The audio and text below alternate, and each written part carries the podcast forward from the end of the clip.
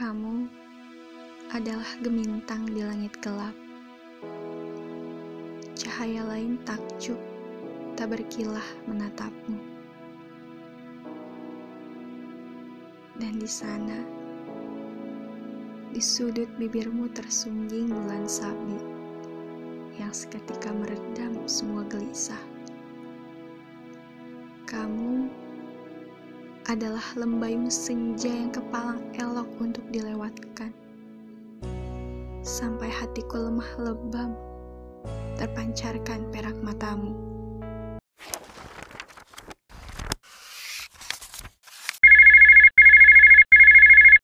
Di sini tandu sekali. Mobilnya sudah pergi. Aku bosan menanti mobil yang mungkin saja berhenti di depan sini. Ini tak adil. Lagi-lagi harus kuakui. Jauh-jauh denganmu membuat tak sejuk di hati. Wah, kenapa? Ah, aku ikut saja ke mana pun kamu pergi. Gak ada kamu, hatiku kering dehidrasi. Memang hati bisa dehidrasi. Berisik. Kamu gak akan ngerti karena bahasa hati akan dimengerti oleh hati lagi.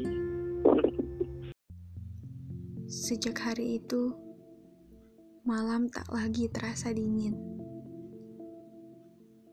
Sejak hari itu, pagi terasa amat senantiasa bersahaja untuk kusambut dengan gembira.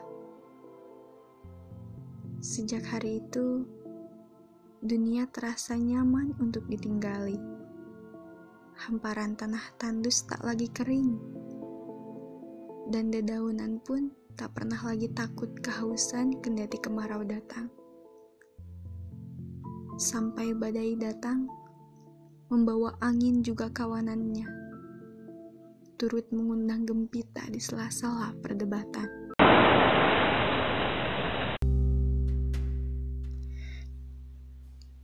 Hidup itu singkat, kalau hanya untuk bertahan dan tersakiti. Kita adalah dua orang dengan prioritas berbahagia dan malah saling menyakiti. Menyakiti orang adalah sebuah kriminalitas. Kamu boleh pergi sekarang. Ke mana pun, aku gak akan memaksa buat ikut kamu. Oke, aku pamit. Karena kita adalah dua orang yang harus benar-benar selesai.